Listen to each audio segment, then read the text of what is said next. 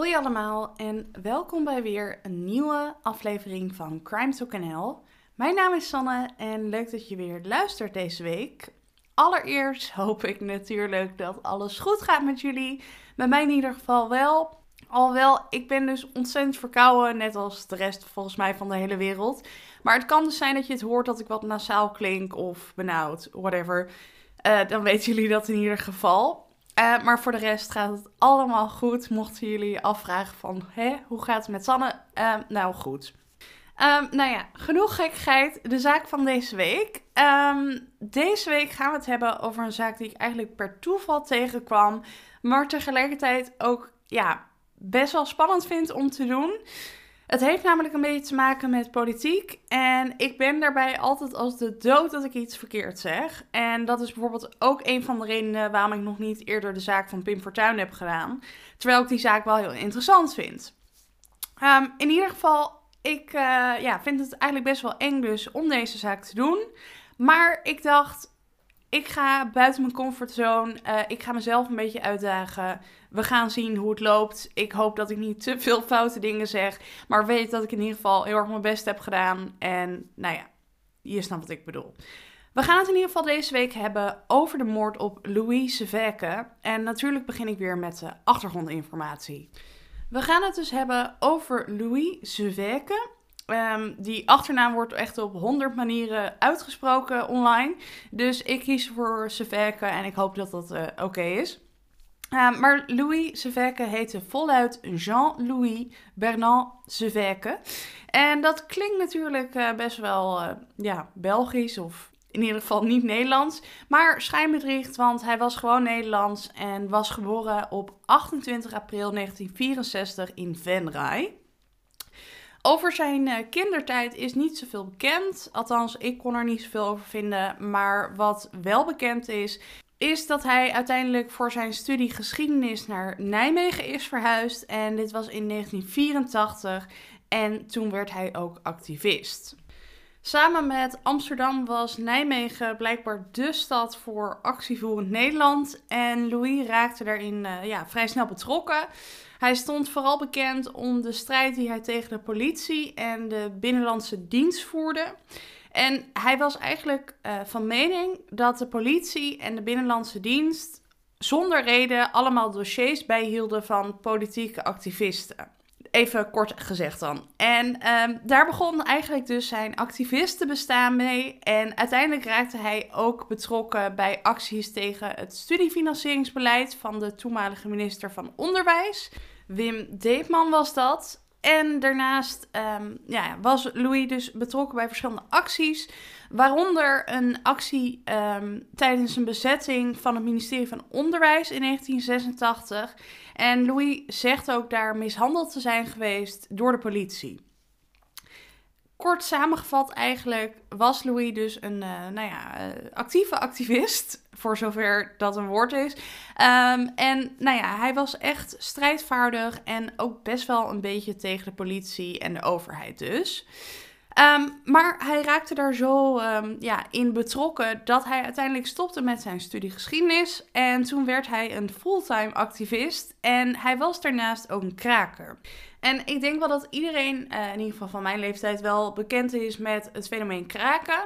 Maar dat leefde in de jaren 80, begin jaren 90, een stuk meer dan dat dat nu zo is. Althans, het was een stuk heftiger. Er was, heb ik me laten vertellen, een uh, hoge woningnood. stonden heel veel panden leeg. Die bijvoorbeeld gekocht waren door uh, investeerders, maar die er dan vervolgens niks mee deden. Dus er was een hoge woningnood. Tegelijkertijd waren er heel veel panden die leeg stonden. Um, daar was natuurlijk onvrede over. En daardoor gingen jonge mensen, of misschien ook oude mensen, die panden kraken, terwijl dat dus eigenlijk niet de bedoeling was. Um, nou, ze bezetten dat dan eigenlijk en na verloop van tijd moesten ze eruit. Dat was meestal met de ME die er aan te pas kwam. En je kan je voorstellen dat dat voor wat onrust en chaos zorgde. Um, en vaak kwamen daardoor ook rellen. Dus het was niet zo'n gezellige tijd in de wereld van de krakers. En Louis was dus ook een kraker. En in 1987 was hij dan ook betrokken bij een bezetting van een kantorencomplex.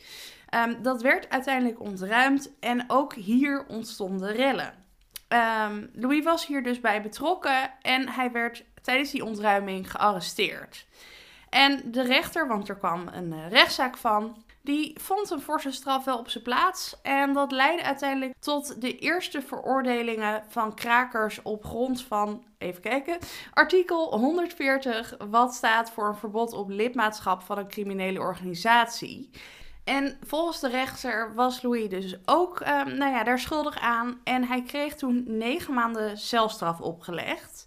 Een best wel pittige straf dus. En helemaal voor die tijd las ik. Uiteindelijk zat hij die celstraf uit. En toen hij vrij kwam, voerde hij steeds minder actie op straat zelf. En steeds vaker op papier. Dus eigenlijk een beetje achter de schermen. Hij schreef mee aan een boek en daarnaast richtte hij twee bureaus op. Het eerste bureau was het steunpunt inzage politiedossiers. En het andere bureau was het onderzoeksbureau inlichtingen en veiligheidsdiensten. En met dat eerste bureau voerde hij voornamelijk rechtszaken. Dat was dus het steunpunt inzage politiedossiers. En het andere bureau, daarmee onderzocht hij uh, het functioneren van de geheime diensten en hij ondersteunde personen en organisaties die geconfronteerd werden met de werkzaamheden van die diensten. Um, nou, een bezig bijtje dus. Hij was daarnaast ook weer gaan studeren, rechten om precies te zijn. En dit was eigenlijk voor alles wat hij deed en door alles wat hij deed. Het ja, kwam goed van pas en hij was dus weer gaan studeren. Um, nogmaals een uh, bezige bij dus. En hij was ook echt wel een uh, bekend gezicht in de activistenwereld. Hij werd niet per se omschreven als een leider. Want uh, hij schijnt best wel bescheiden te zijn geweest. Maar hij was wel super betrokken en stond altijd voor iedereen klaar. En er was in Nijmegen amper een maatschappelijke of milieuorganisatie te vinden waar Louis geen ja, betrokkenheid bij had of geen deelnemer van was een uh, activist in hart en nieren. En nou ja, zijn leven dat stond dus voornamelijk in het teken van actie voeren en zich inzetten voor maatschappelijke belang. Um, en er lijkt dus eigenlijk niks um, gevaarlijks aan de hand te zijn. Maar toch gaat het mis. Het uh, is dan namelijk 15 november 2005 en in de avond van die dag wandelt Louis uh, naar huis. Hij was bij een bijeenkomst geweest in het Nijmeegse Krakersbolwerk. En ik kan me voorstellen dat er genoeg mensen zijn die net zo zijn als ik. Ik kende de term Krakersbolwerk niet, maar eigenlijk is dit een soort van naam voor een clubhuis voor de krakers. Dus Louis was in het krakersbolwerk geweest. Uh, dat heet uh, de Grote Broek. En Louis liep dus na afloop daarvan in zijn eentje naar huis. Niets aan de hand zou je zeggen, maar blijkbaar werd Louis gevolgd. Dat wist hij natuurlijk op het moment zelf ook niet, maar hij werd gevolgd door een man met een uh, ja, flinke sporttas. En deze man die loopt eventjes achter hem aan en schiet hem vervolgens twee keer. Louis die, uh, ja, werd geraakt. Uh, hij bloedde gelijk flink en overleed uiteindelijk op straat aan zijn verwondingen. En de man die hem had achtervolgd en natuurlijk had neergeschoten, was kort na het schieten heel erg kalm. Um, nadat hij had geschoten, stopte hij namelijk weer rustig zijn geweer in zijn sporttas en liep rustig naar de Vlaamse Gas. En dat is blijkbaar een straatje met allemaal coffeeshops. Dus er stonden ook mensen. En toen hij daar liep, zei hij tegen een jongen die daar aan het rondhangen was: Heel kalm, um, misschien moet je even de politie bellen. En vervolgens is hij weggelopen, maar niemand wist ja, waarheen. Nou ja, uiteindelijk kwam de politie dus en ze zagen dus al gauw dat het om Louis ging. En je kan je waarschijnlijk voorstellen, tenminste, ik kan het mezelf voorstellen, dat het een hele grote happening was. Uh, zeker omdat Louis een bekende activist en kraker was. Um, ja, was het groots. En er kwam ook al om die reden al heel snel een geruchtenmachine op gang. Uh, er werd gedacht aan wraakacties, aan de veiligheidsdienst en zelfs heel veel mensen wezen in de richting van de politie. Dat de politie Louis dus zou hebben doodgeschoten. Um, er was ook een agent die gelijk eigenlijk verdacht werd, omdat hij wel eens gedoe had gehad met Louis. En mensen dachten van, nou, het zou hem best wel goed uitkomen als Louis er niet meer zou zijn. Um, dat was niet zo. Uh, die agent heeft hem niet neergeschoten. Maar om aan te geven, er werd echt in alle hoeken naar iedereen gewezen. Uh, juist dus omdat hij kraker was, omdat hij activist was. Ja, waren er zoveel mensen die er wat mee te maken zouden kunnen hebben, dat mensen dus in alle richtingen gingen wijzen. Dus er kwam al gauw een uh, geruchtenmachine op gang. En ja, er werd ook natuurlijk veel over gesproken. Want ja, iemand die dus activist is en kraker en wordt vermoord. Ja, dat is natuurlijk groot. En dat zou nu ook groot nieuws zijn. Maar goed, aan geruchten, speculaties, uh, elkaar beschuldigen, daar heb je natuurlijk helemaal niets aan. Dus er kwam ook natuurlijk een gewoon politieonderzoek. En ik zeg wel gewoon, maar zo gewoon was het eigenlijk niet. Um, het was namelijk het onderzoek Bamboe. Het heette Bamboe. En uiteindelijk werd het een van de grootste onderzoeken in de Nederlandse politiegeschiedenis. In totaal is er zo'n 73.000 uur aan besteed. En tijdens de onderzoeken zijn er zo'n 3.500 namen in het onderzoek naar voren gekomen als mogelijke dader. En daarvan, van die 3.500 dus, zijn er bijna 1000 mensen gehoord. Op 37 locaties werden er camerabeelden opgevraagd en natuurlijk bekeken. En de politie had tijdens het onderzoek 23 scenario's voor de moord. En uiteindelijk werd er een lijst gemaakt met 34 potentiële verdachten. Maar, dat wisten ze toen natuurlijk nog niet. Maar de echte dader, die stond er niet op. En op dat moment wist dus ook helemaal niemand wie de dader was. En natuurlijk waarom Louis vermoord was. Nou ja, genoeg even met de cijfertjes en statistieken. Uh, het was dus een groot onderzoek en er werd ook onderzoek gedaan naar plaatsdelict, naar de omgeving, naar heel veel mensen, maar ook naar Louis zelf. Want wat veel mensen niet wisten, was bijvoorbeeld dat Louis regelmatig op een homobaan in Groningen kwam. Deze kant ja, die was dus niet zo bekend van hem. En ook in die wereld zou dus een mogelijke dader kunnen zitten.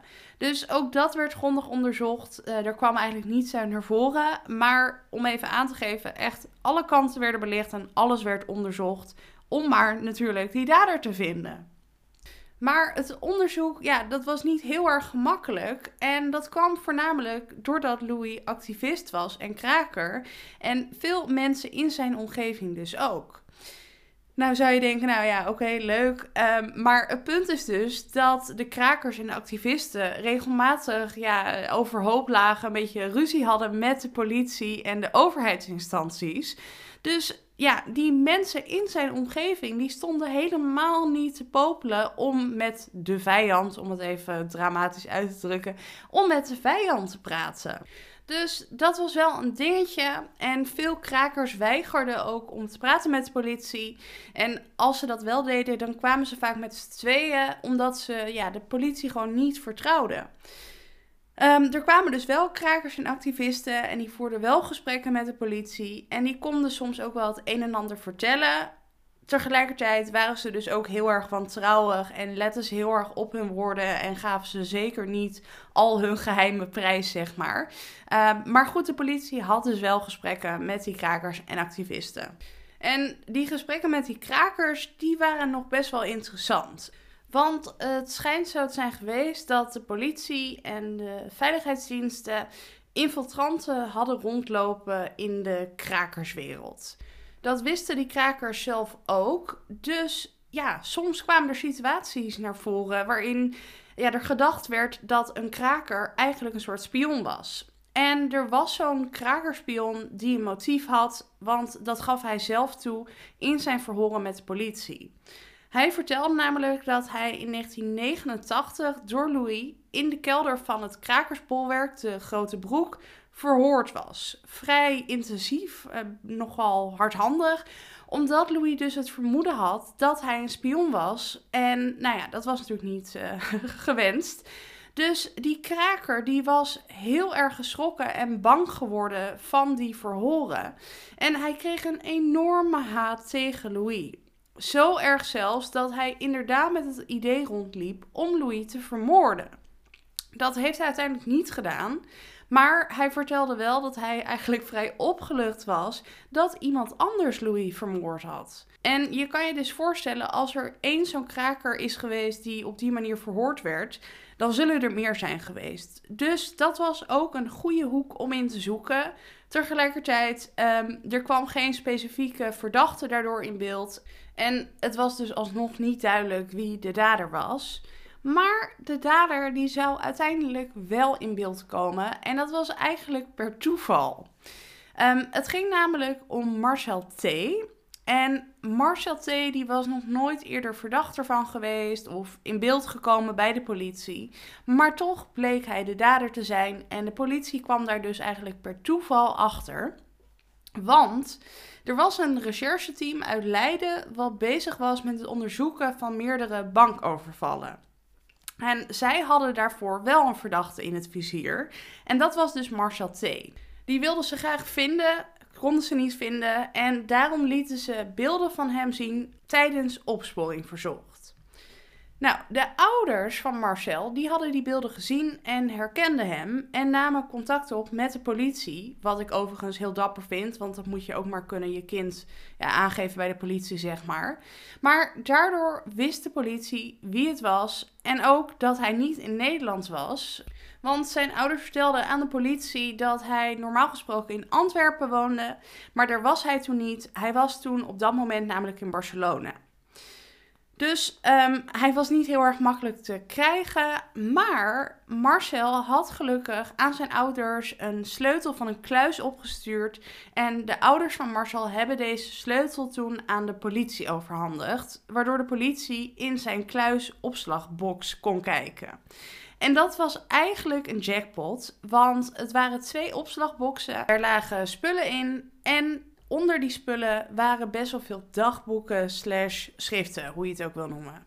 Want Marcel, die bleek veel te schrijven en nou ja, daardoor kon de politie een hele hoop over hem te weten komen.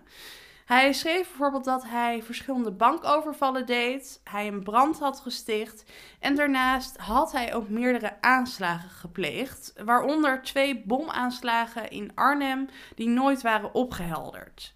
Nou ja, best handig natuurlijk voor de politie die schriften, want nu was daarover ook een stuk meer duidelijkheid. Ehm, verder schreef hij ook nog een autobiografie dat Het leven van een buitenstaander heette. En een autobiografische roman die Bedankt en tot ziens heette. En daarin schreef hij uh, over zijn jeugd en over zijn leven als Nijmeegse kraker. En ik kon een stukje van het boek vinden op internet.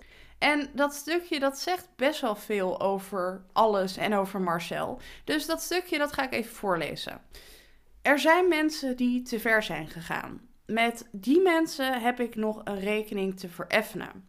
En ik heb altijd gezegd en me voorgenomen dat als ik nog maar even heb, ik aan mijn lijst ga beginnen. De rekeningen ga ik vereffenen. En ik begin bovenaan de lijst met mensen die me zodanig belazerd hebben dat vergeten en vergeven geen optie is. Het zijn nooit loze woorden geweest. Wat ik me voorneem, voer ik altijd uit.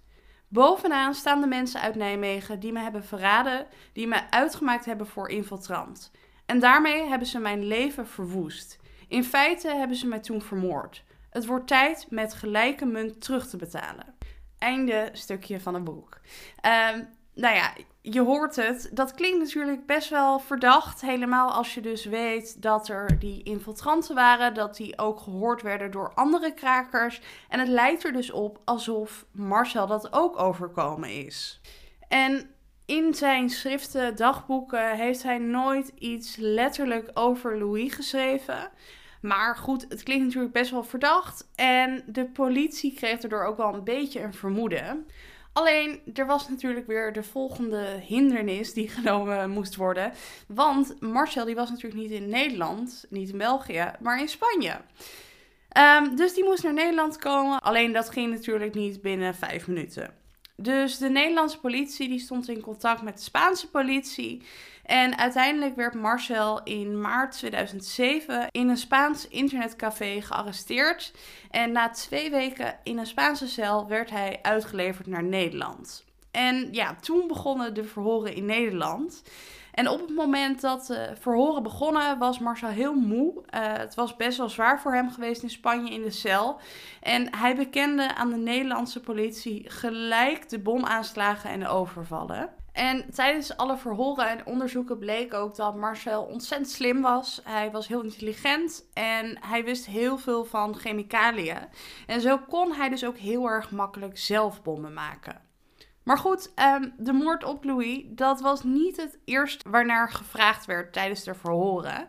Sterker nog, na heel veel verhoren begon Marcel er zelf over. En hij vertelde over die avond. Ehm, hij zag namelijk Louis door een raam, zag hij hem zitten.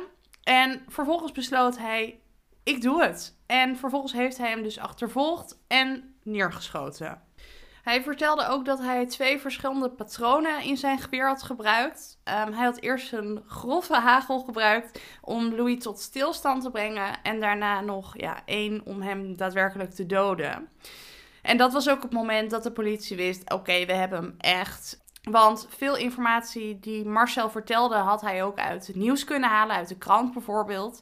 Maar ja, eh, de informatie die hij gaf over uh, de hagel en het geweer, dat kon alleen maar de dader weten. En nou ja, daardoor wisten ze dus, we hebben hem. En de reden dat Marcel opeens alles op tafel gooide en alles vertelde, was, zei hij zelf, omdat hij er helemaal klaar mee was. Hij was klaar met zichzelf en hij wilde ook verantwoording afleggen. En nou ja, dat deed hij dus ook. En daarom vertelde hij dus alles aan de politie, alle details, hoe alles tot stand is gekomen en waarom hij Louis dus heeft neergeschoten.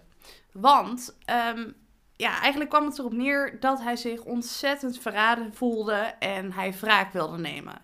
Het was namelijk zo dat Marcel iemand was van de geheime acties. Uh, hij legde bijvoorbeeld bommen, maar daarvan wist niemand. Dus hij was niet iemand die daarmee te koop liep.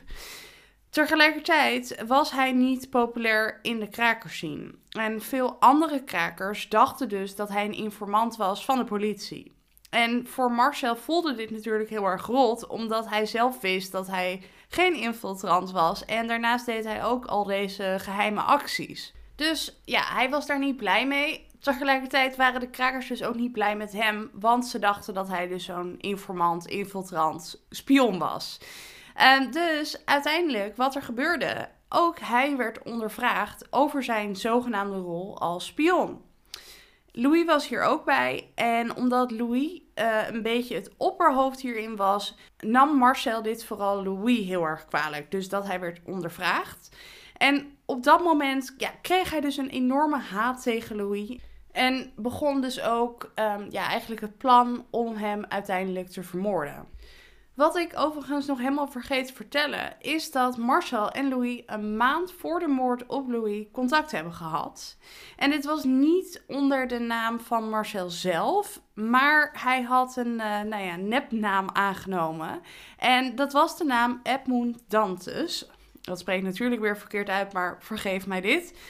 Um, maar ze hadden dus mailcontact en Marcel, onder de zijn nepnaam, had dit contact gestart. En in zijn mail gaf hij aan dat hij Louis graag wilde ontmoeten. En Louis schreef daarop terug dat hij daarvoor open stond. Alleen daarna volgde er geen reactie van Marcel. En daarom heeft Louis hem weer een mail gestuurd. En op die mail antwoordde Marcel dat ze binnen enkele weken contact zouden hebben. En goed, ja, een maand later was Louis dus dood.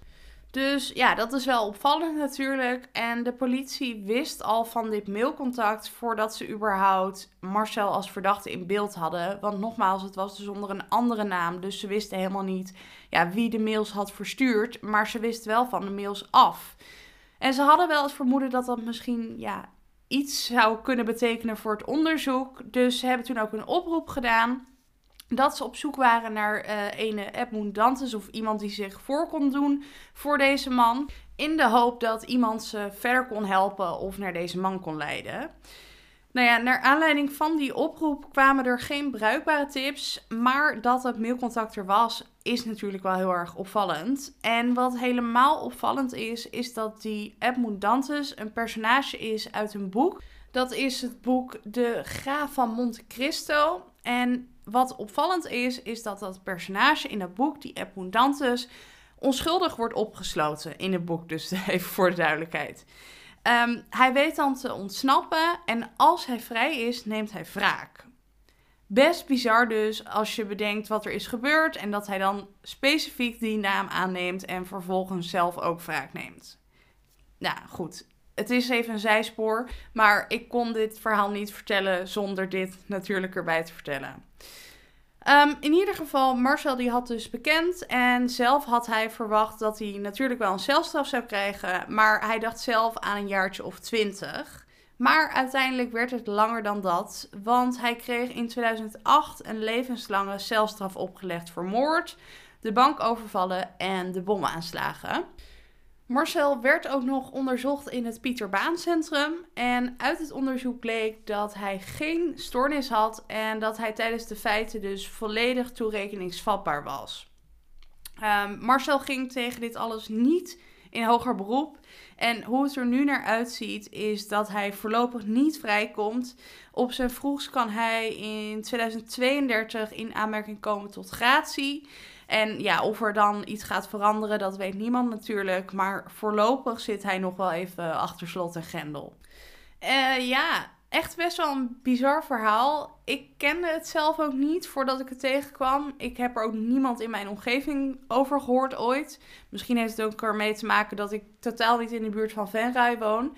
Maar goed, ehm, ja, ik vind het echt bizar. Het lijkt bijna eh, het, script van een boek of een film. Maar ja, dat is natuurlijk niet, want het is dus echt gebeurd. Um, ja, een vrij historisch verhaal, denk ik. En ik vond het heel erg interessant om hier meer te weten over te komen. Nogmaals, ik vind het heel eng om deze podcast te maken. Ik weet niet zo goed waar dat nou precies aan ligt. Maar ja, de meeste zaken daarvan weet ik inmiddels wel een beetje hoe dingen zitten. En nu moest ik zoveel opzoeken en zoveel zijsporen onderzoeken. Of nou, onderzoeken, dat klinkt ook wel heel groot. Maar ehm, er waren best wel veel dingen waar ik niets van af wist. Dus daar moest ik dan weer induiken. Dus alles bij elkaar heeft het best wel wat ehm, werk uh, gevraagd. Dat is helemaal niet erg. Maar daardoor word ik zelf denk ik een beetje onzeker. En hoop ik vooral dat ik het een beetje goed heb overgebracht en begrijpbaar. Um, ik heb er in ieder geval mijn best op gedaan en ik hoop dat jullie dat kunnen waarderen. Um, ja, dit was ook wat ik jullie kon vertellen over de moord op Louise Vecke. Voordat jullie gaan, heb ik nog wel een kijk, luister, leestip voor jullie. En dit is wederom een podcast, want nogmaals, ik luister nu op dit moment heel veel podcasts. En um, ik heb het over de podcast TBS Jong en Vast, gemaakt door NPO Radio 1, Caro en Cervé. En nou, dit is echt weer eentje in de categorie binge luisteren. Want ik heb dit binnen een mum van tijd afgeluisterd. Ik vond het zo interessant. Um, eigenlijk kort samengevat, in deze podcastserie worden er interviews eigenlijk gedaan met mensen die in een TBS-kliniek zitten. Er zijn twee seizoenen en in het ene seizoen wordt er, ja, ik weet niet of het wat is normaal. Maar met uh, mannen gesproken die in een normale TBS-kliniek zitten. Dus die volwassen zijn boven de 18. En in het andere seizoen wordt er gesproken met de jeugd-TBS'er. Uh, eh, dat heet eigenlijk anders, maar dat komt in de podcast ervoor. Uh, maar dat is zo ontzettend interessant om te horen. Um, het zijn echt mensen zoals jij en ik, hoe ze praten. Op de een of andere manier heb ik altijd in mijn hoofd dat je het op de een of andere manier zou kunnen horen als iemand een TWS-maatregel heeft. Ja, het slaat helemaal nergens op, dat snap ik zelf ook. Maar ja, dit is gewoon iemand die je buurman zou kunnen zijn of je buurjongen. Um, maar toch hebben ze een, uh, ja, iets erg gedaan. En ik vind het ontzettend interessant om daarover te horen. En ook het vanuit hun te horen, hoe het voor hun is. En hoe dingen eraan toe gaan, wat voor begeleiding erbij komt kijken. Het is echt een super interessante uh, podcast. Heel leerzaam, maar niet negatief leerzaam als in het is heel erg saai. Dus mijn aanrader voor deze week is TBS Jong en Vast. Dus ga die luisteren, je zult geen spijt hebben en je steekt er ook nog eens heel veel van op. Dan zijn we nu wel aangekomen bij het einde van deze aflevering. Beeldmateriaal zet ik op Instagram, crimetalknl. En dan wil ik jullie voor nu gewoon heel erg bedanken voor het luisteren deze week. Tot volgende week en tot horens!